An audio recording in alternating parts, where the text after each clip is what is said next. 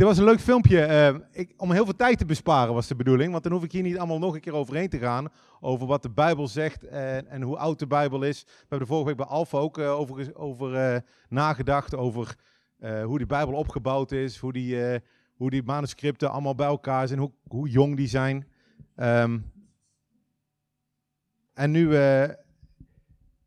nou, nu denk ik van, vatten we dat samen een film, hoef ik het niet zo te doen. Nicole en ik waren een paar jaar geleden eh, in Manchester. En in de Manchester is een museum, dat heet de John Rylands Library, heet die, is een, eh, is een bibliotheek. En in die bibliotheek liggen hele kleine stukjes papier die ze gevonden hebben, papyrus, waaronder van het, boek van Johannes, eh, een van de schrijvers van het Nieuwe Testament. En men denkt dat dit stukje, dit hele kleine stukje, uit het jaar 100 komt. Dat is echt heel, heel, heel oud. En dus heel dicht op de, op de feiten. Dat was super bijzonder. En in het filmpje zag je ook meneer eh, Bart Eerman. En Bert, Bart Eerman heeft heel veel boeken geschreven over waarom de Bijbel niet te vertrouwen is. Eh, moet je vooral lezen, dat is ook wel is interessant. En, maar hij overdrijft wat dingen, dat is wel jammer. Want hij zegt bijvoorbeeld, er zijn 400.000 fouten in al die manuscripten. Heeft hij blijkbaar zitten tellen, zitten turven. 400.000 fouten. En iemand heeft gereageerd en die zegt, ja maar meneer Eerman, de manier waarop u dat telt, in uw boek, waarvan de oplage 100.000 kopieën is, staan ook 16 typfouten. Dus in uw boek zitten 1,6 miljoen fouten. Als ik op dezelfde manier tel als dat die meneer Eerman die fouten in de Bijbel telt. Dus hij telt dingen dubbel en dat is jammer. Maar hij heeft wel een punt. En ik denk dat hij wel een probleem raakt waar we vandaag over gaan hebben met elkaar. Eh, namelijk het probleem van de Bijbel. En het probleem van de Bijbel is hoe kunnen wij als christenen geloven dat de Bijbel gezaghebbend is voor ons leven? Met zo'n heel oud document. Met een hele achterhaalde moraal. En met zoveel fouten erin. Op Twitter, ik, ik kijk wel eens naar Twitter, moet je niet doen, word je eigenlijk helemaal niet vrolijk van. Twitter moet je eigenlijk van waar, want dan krijg je geen leuke discussies allemaal. Maar op Twitter wordt de Bijbel eigenlijk stevast een sprookjesboek genoemd. Als meneer eh, van de SGP iets vertelt, of als meneer, weet ik wat, eh, van de CU iets op eh, Twitter ge- over gooit. Nou ja, dat zijn die mensen van die sprookjesboeken. Dat staat er altijd. Dus hoe kan een sprookjesboek nou relevant zijn voor ons vandaag? En er valt heel veel te vertellen. En ik heb al heel veel proberen weg te snijden uit, het, uit, de, uit de toespraak vanochtend. Want er valt, ik kan hier uren over praten en dat ga ik jullie besparen. Gelukkig heeft filmpje al een een en ander verteld over de documenten. Maar ik wil vandaag eigenlijk maar drie dingen vertellen. Altijd drie. En de eerste is, de Bijbel is geen sprookjesboek. Dat wordt mijn eerste punt. Mijn tweede is, als je de Bijbel leest, lees je hem altijd met een cultureel gekleurde bril op. En mijn derde punt, en dat is de, de, de leukste van vandaag, de Bijbel gaat niet over jou. Die drie dingen wil ik het hebben vanochtend. En ik ga dat doen aan de hand van een, een Bijbelboek. Eh, het Bijbelboek heet Lucas, want het is geschreven door een meneer die Lucas heet. En Lucas was een arts, een wetenschapper uit de eerste eeuw. En laten we, die, die, die tekst staat ook in het eh, programma, ik heb hem meegeprint, hij staat ook achter mij. En laten we eens gaan lezen wat meneer Lucas schrijft. En hij begint zo. We, gaan de eerste paar zinnen lezen en de, en de laatste paar zinnen van, eh, van Lucas. De eerste paar zinnen. Aangezien velen ter hand genomen hebben een verslag op te stellen van de dingen die onder ons volkomen zekerheid hebben, zoals zij die van het begin af ooggetuigen en dienaren van het woord zijn geweest, zoals die het aan ons overgeleverd hebben, heeft het ook mij goed gedacht, na alles van vooraf aan nauwkeurig onderzocht te hebben, het geordend voor u te beschrijven, hooggeachte Theophilus, opdat u de zekerheid kent van de dingen waarin u onderwezen bent. Dit is niet heel lang geleden in een land hier ver vandaan was er eens een prins. Zo begint dit hoofdstuk niet. Lucas schrijft hier over zekerheid, over ooggetuigen, over onderzoek dat hij gedaan heeft, over een geordend overzicht dat hij gemaakt heeft. En over zekerheid. Zekerheid van de dingen die erin staan. Geen enkel sprookjesboek, geen enkel sprookjesboek begint op deze manier. Niemand begint zo. En dit boek is geschreven, niet eh, vorig jaar, dit boek is geschreven 30 jaar ongeveer nadat de gebeurtenissen die hij opgeschreven is gebeurd zijn. 30 jaar, dat is heel kort. Als je nou zou vertellen, ik, kwam er gisteren achter dat de jaren 80 al langer dan 20 jaar geleden was. Dat, dat is echt iets nieuws voor mij. Maar als je nou gaat zeggen, eh, weet je, uh, Ronald Reagan is niet, dood, of niet neergeschoten, of is doodgeschoten. Als je dat gaat roepen, hè? Ja, er zijn zat mensen hier in de zaal zelfs die zeggen, nee, ik weet dat nog wel. Dat moment in 1987, dat de paus neergeschoten werd en Ronald Reagan nodig. Er waren getuigen van die feiten. En dit is Lucas, de arts. Maar Paulus, ook een, een, een tijdgenoot van hem, die ook een groot deel van, de, van het Nieuw Testament heeft opgeschreven, die had het al binnen 15 jaar opgeschreven. En hij schrijft dat Jezus was verschenen aan meer dan 500 broeders tegelijk. En waarom zegt hij broeders? kom ik straks even op terug. Omdat in die tijd het, het getuigenis van een vrouw, uh, dat, dat, dat, dat, dat was niet wettisch. Dat, uh, die, die, die riepen maar wat of zo, dachten ze in die tijd. Dus hij zegt nee, 500 mannen hè, om, hebben tegelijk Jezus gezien, van wie de meesten nu nog in leven zijn. Schrijft hij op. Maar sommigen zijn ook ontslapen, zijn dood. Paulus zegt, vraag maar eens na. Jezus is na zijn dood nog verschenen aan al deze mensen. Weet je, dat schrijf je niet op in een, in een, in een boek over Elsa de, de, de Frozen. Hè? Van, oh ja, eh, praat eens met die, want die is Elsa gisteren nog tegengekomen. Dat gebeurt niet. En als je dan een verhaal verzint, een sprookje, ga je het verhaal van de opstanding van Jezus op die manier opschrijven. Weet je, de, de, de grote leider van de eerste kerk, hè, dat was Petrus die komt er niet heel goed vanaf in de boeken. Kan ik jullie verklappen. Hij, hij, hij verloochent Jezus drie keer. Hij is niet de geweldigste daar. Ik had net over die vrouwen die, die geen getuigenis mochten geven in de eerste eeuw. Toevallig waren het wel vrouwen die het eerste het lege graf ontdekten. Als je een verhaal gaat verzinnen, zou je dat nooit zo doen. Een Jezus die aan een kruis hangt en uitschreeuwt dat hij verlaten is door God. Dat verzin je niet. Want het gaat niet helpen om mensen te overtuigen. En als je het al verzonnen hebt, zou je dan voor jouw sprookjesboek willen sterven? Op één na zijn alle vrienden van Jezus gestorven. Een onnatuurlijke dood gestorven. Vanwege hun geloof. En ook de details in de verhalen. Als je de Bijbel openstaat en hem leest, wat ik trouwens hartelijk aanraad, dan zijn die zo bijzonder. Er is geen enkel boek, sprookjesboek, geen enkele mythe uit die tijd die zo is opgeschreven. Er is een meneer die heet C.S. Lewis, dat is een historicus, die, die las heel veel uh, oude literatuur en hij zegt het volgende. Hij zegt, ik heb mijn hele leven lang gedichten gelezen, avonturenverhalen, droomvisioenen, legenden en mythen. Ik weet hoe die dingen gaan. Ze gaan nooit zoals hier. Er zijn maar twee visies mogelijk op deze tekst. Of het is een verslag, of anders heeft een onbekende klassieke schrijver, zonder voorgangers of navolgers, plotseling een voorproefje gegeven van de complete moderne, realistisch verhalende romantechniek. Hij zegt, die, die romantechniek, hè, wij pakken een boekje op en lezen een romannetje, dat is pas iets dat is de afgelopen paar honderd jaar uitgevonden. Er is niks uit de oudheid wat daar op lijkt. Ik heb een voorbeeld een, een, detail hè, waar, van ons misschien, uh, waar wij gewoon overheen lezen, maar wat in de oudheid heel raar zou zijn geweest. Weten jullie nog hè, dat Jezus met een kruis uh, richting Golgotha liep en dat hij op een gegeven moment viel? En dat, dat, dat iemand anders een kruis moest dragen. Kennen jullie dat verhaal? Weten jullie de naam van degene die dat... Hier is hier een donkere man trouwens, hè? Weet jullie de naam van die meneer die dat kruis moest dragen? Simon. Simon uit Cyrene. Simon van Cyrene. En Simon, Cyrene was een stad in Libië. Simon van Cyrene wordt dus met naam en toenaam aangeduid, zodat mensen kunnen zeggen, oh, dat was die meneer. Maar die meneer, het volgende slide, die had ook nog twee zoons. Zie, ik heb, ik heb foto's van die tijd, hè. Weet jullie hoe die zoons heten?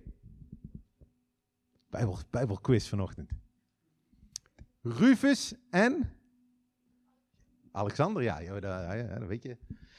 En die komen later ook nog eens een keer terug. Uh, Rufus, die naam komt later terug in de brieven van Paulus. Dus hier heb je een man, Simon van Cyrene, met twee zoons, Rufus en Alexander. Waarom zou je dat in een sprookjesboek gaan verwerken? Als iedereen kan checken of die meneer er is, die komt later ook nog gewoon voor, dan ga je gewoon bij hem checken. Zeker als je vermoord werd later voor deze feiten.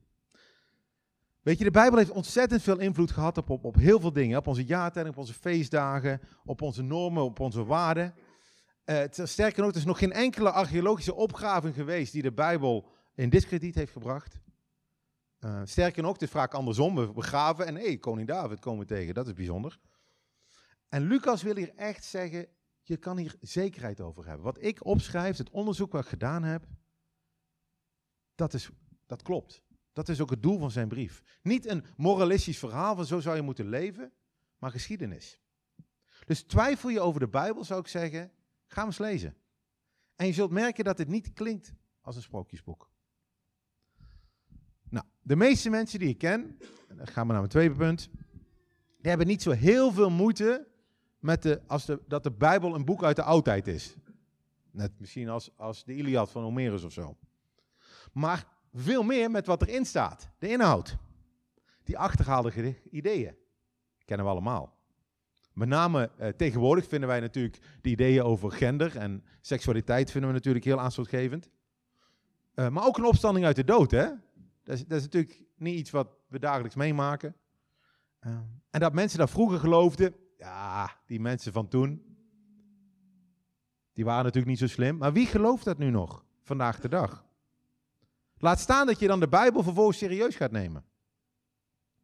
Ik wil nog een stukje gaan lezen uit die brief van Lucas. En dit is na de opstanding van Jezus.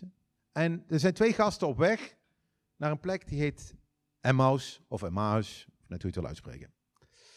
Twee van hen gingen op diezelfde dag naar een dorp dat 60 stadien, aantal kilometer van Jeruzalem verwijderd was, en waarvan de naam Emmaus was. En ze spraken met elkaar over al deze dingen die gebeurd waren.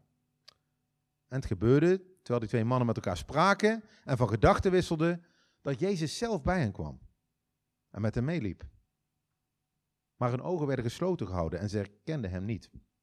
En hij zei tegen hen, wat zijn dit voor gesprekken die u al lopend met elkaar voert? En waarom ziet u er zo bedroefd uit? En de een, van wie de naam Cleopas was, antwoordde en zei tegen hem, bent u als enige een vreemdeling in Jeruzalem, dat u niet weet welke dingen daar in deze dagen gebeurd zijn? Kan je al zien, hè, dat heel veel mensen al wisten wat er in Jeruzalem gebeurde. En hij zei tegen hen, welke dan? En ze zeiden, de dingen met betrekking tot Jezus de Nazareër, die een profeet was, machtig in werken en woorden voor God en heel het volk. En hoe onze overpriesters en leiders hem hebben overgeleverd om hem te dood te veroordelen en hem gekruisigd te hebben. Wij hoopten dat hij het was die Israël zou verlossen. Maar al met al is het vandaag de derde dag sinds deze dingen gebeurd zijn. En ook hebben sommige vrouwen uit ons midden, die vroeg in de morgen bij het graf geweest zijn, ons versteld doen staan. Toen ze zijn lichaam niet vonden, kwamen ze zeggen dat ze zelfs een verschijning van engelen gezien hadden. Die zeiden dat hij leeft. En sommige van hen die bij ons waren, gingen naar het graf en troffen het ook zo aan, zoals de vrouwen gezegd hadden maar hem zagen we niet. Die mannen lopen dus, ze praten met wat er allemaal gebeurd is in Jeruzalem. En ze zeggen, we hoopten eigenlijk dat Jezus gekomen was om Israël te verlossen. Ze hadden het Oude Testament, de Torah voor de Joden, gelezen. Ze hadden naar Jezus geluisterd terwijl hij rondliep in Jeruzalem. En ze waren tot de conclusie gekomen dat Jezus was gekomen om Israël te redden. Maar wat gebeurde er? Hun redder werd ter dood veroordeeld. Hij stierf aan het kruis. En hoe kon dat? Hij zou Israël redden. En dan zijn er vrouwen die dan zeggen dat Jezus leeft. Maar ze zijn gaan kijken en ze kwamen Jezus niet tegen. Ze proberen te snappen wat daar gebeurd was. En ze proberen te plaatsen in de, in de context die zij konden begrijpen. Maar ze begrepen het helemaal niet. En dan is het weer heel makkelijk voor ons om te denken: oh, die mensen van toen, die simpele zielen, Waarom snapte hij dat niet? Wij denken dat Jezus gekomen is niet om de Israëlieten te, te, te helpen te bevrijden van de Romeinen die toen de baas waren, maar dat hij gekomen is om te sterven voor ons, voor de hele wereld. Niet alleen voor de Joden. En daarom moest hij aan het kruis, denken wij nu te weten. En dat, maar dat zagen die mannen niet. Maar ook wij hebben een gekleurde bril. Ook wij kijken met een cultureel gekleurde bril naar die Bijbel. Er was van de week nog een grappig artikel in de, de, visie. Ook wij lezen dingen in de Bijbel waar wij iets van vinden. Weet je als, je, als je de Bijbel openslaat en je leest dat we onze vijanden moeten vergeven, dan vinden we de meeste van ons dat wel oké. Moeilijk, niet makkelijk, maar dat klinkt wel heel, heel mooi om je vijanden te vergeven. Maar als we een paar regels verder lezen dat een huwelijk is tussen één man en één vrouw die niet moeten scheiden en die pas naar bed mogen gaan met elkaar als ze getrouwd zijn, dan hebben wij daar wel wat moeite mee. Dat is een achterhaalde tekst, toch? Maar stel dat je die tekst nou laat lezen aan iemand in het Midden-Oosten. Wat gebeurt er dan? Die persoon zal misschien vinden dat die regels over huwelijk helemaal niet ver genoeg gaan. Maar wat er in de Bijbel staat over vergeving, is bizar. Je gaat je vijanden toch niet zomaar vergeven? Wat als je deze teksten zou pakken en je zou hem aan je overgrootouders, als die hè, er nog zouden zijn, of je over-overgrootouders, als die hem zouden lezen. Wat hadden die ervan gevonden? Misschien best wel normaal. Vooral die teksten over het huwelijk. En ik zal je iets verklappen. Dingen die jij en ik normaal vinden, gaan onze kleinkinderen straks bizar vinden. Wat wij normaal vinden, gaan onze kleinkinderen bizar vinden. Tijden veranderen, moraal verandert. Dus waarom denken we dat wat we nu geloven over dit soort onderwerpen beter zouden zijn dan wat men vroeger hierover dacht? Of wat men over een aantal jaar ervan zal vinden? Of wat wij in onze individualistische westerse samenleving hiervan vinden beter is dan wat andere culturen hiervan vinden? Je moet oppassen als je de Bijbel leest.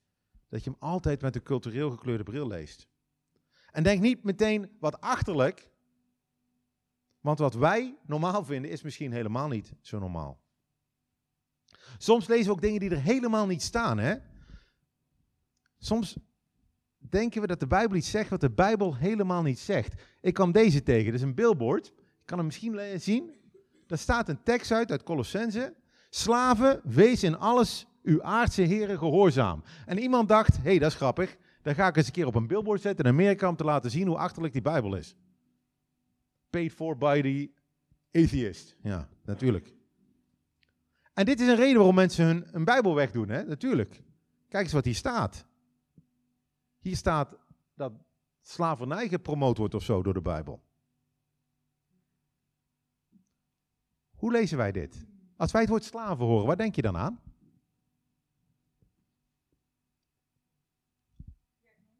Werknemers, denk je? Als je het woord slaaf hoort, waar denk je dan aan? VOC?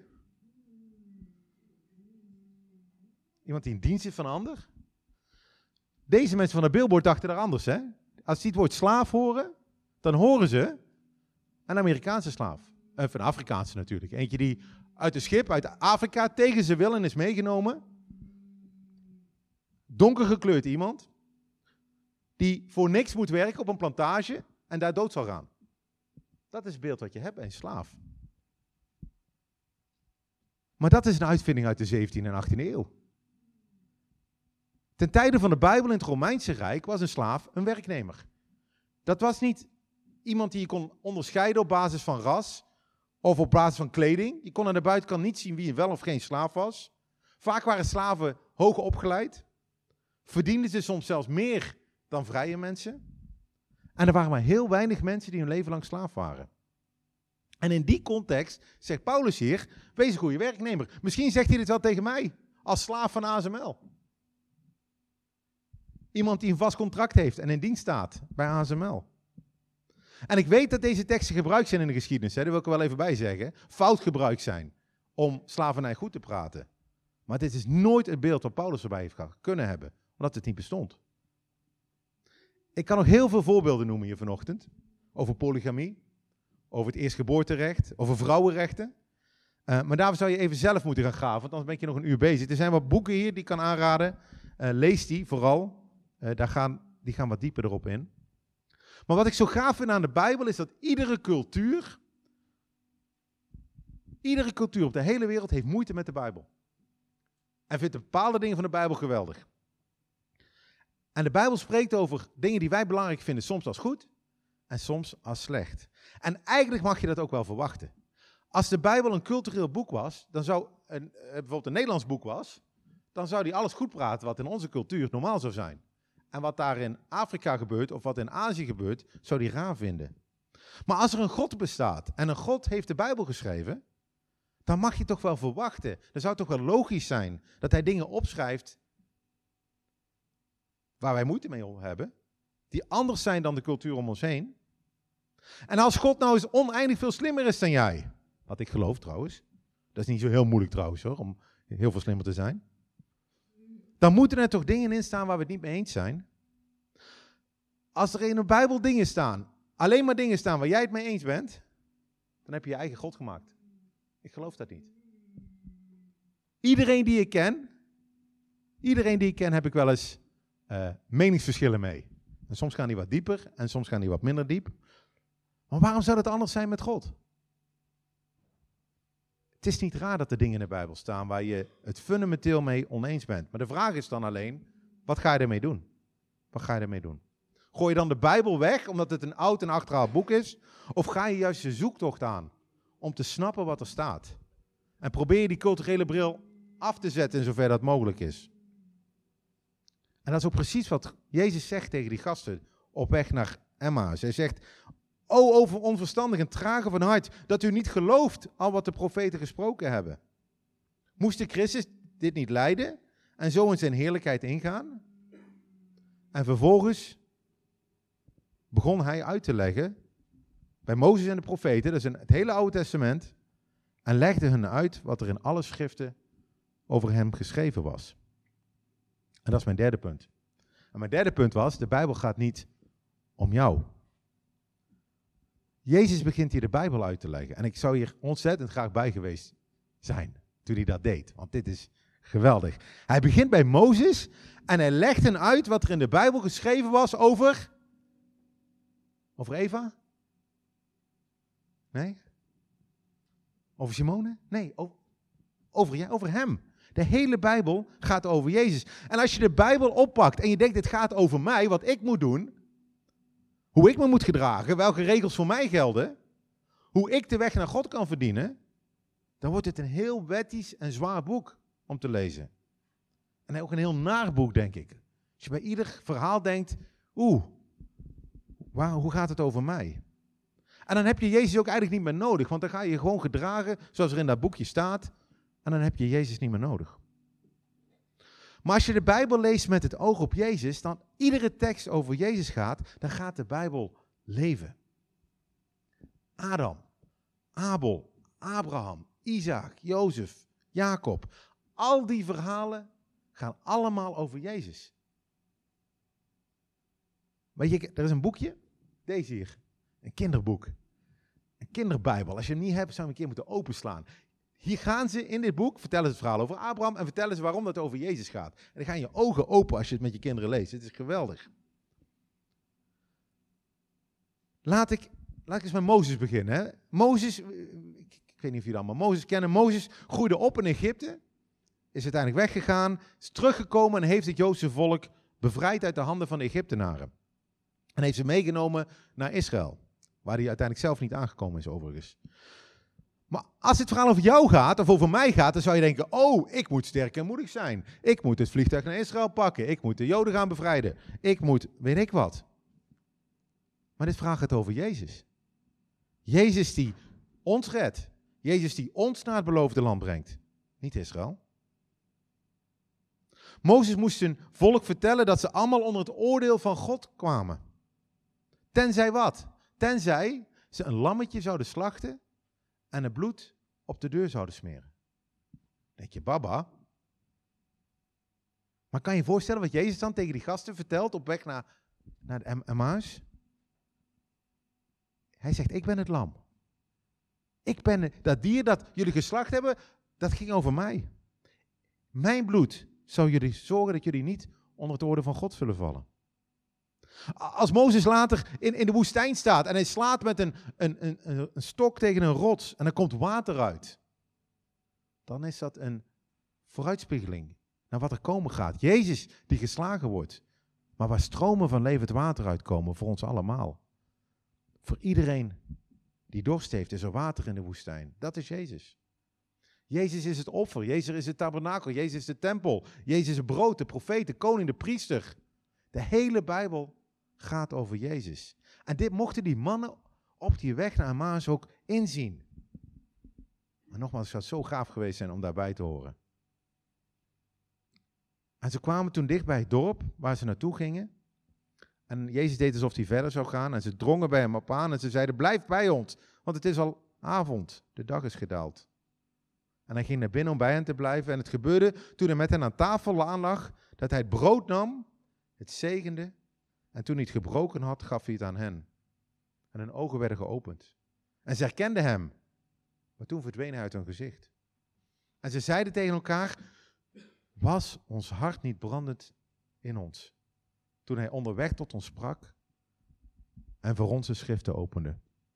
Wat er dan gebeurd is, ze gaan weg, zelfs s'avonds al. Ze gaan terug naar Jeruzalem en ze vertellen hun vrienden wat hier gebeurd is. Was ons hart niet brandend in ons? Deze mannen hebben een levensveranderende ervaring gehad met Jezus onderweg. Hun hart brandde. Ze voelden een liefde die ze nog nooit eerder gevoeld hadden. En waarom? Omdat de Bijbel geopend werd. En ze begrepen wat er stond. Weet je, Jezus tijdens zijn leven sprak hij continu over die Bijbel. Hè? Hij confronteerde de duivel met de Bijbel. Hij corrigeerde de schriftgeleerden met de, met, die wel de Bijbel kenden, maar niet snapten. Hij citeerde psalmen terwijl hij aan een kruis hing. Jezus vond die Bijbel heel belangrijk.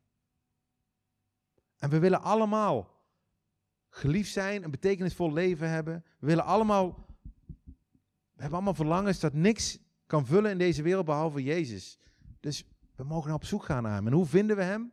Door Hem te ontdekken in de Bijbel. En dit is ook mijn wens vanochtend, dat ons hart gaat branden voor die Bijbel. Dat we hier op zondag niet komen om te ontvangen, maar dat we door de week al zo vol zijn van die Bijbel, vol zijn van Jezus, dat we hier op zondag komen en we kunnen uitdelen aan anderen. Dus lees de Bijbel. Niet als een sprookjesboek, maar laat het je confronteren. Ook je culturele bril, Laat het je helpen om die te poetsen. Misschien om af te zetten een beetje. Maar bovenal wil ik vanochtend zeggen, ga die Bijbel lezen en ontdek Jezus in al die verhalen. Zodat ook echt je hart mag branden. Laten we bidden. Heer, dank u wel voor uw woord waar we net over zongen. Uw Bijbel.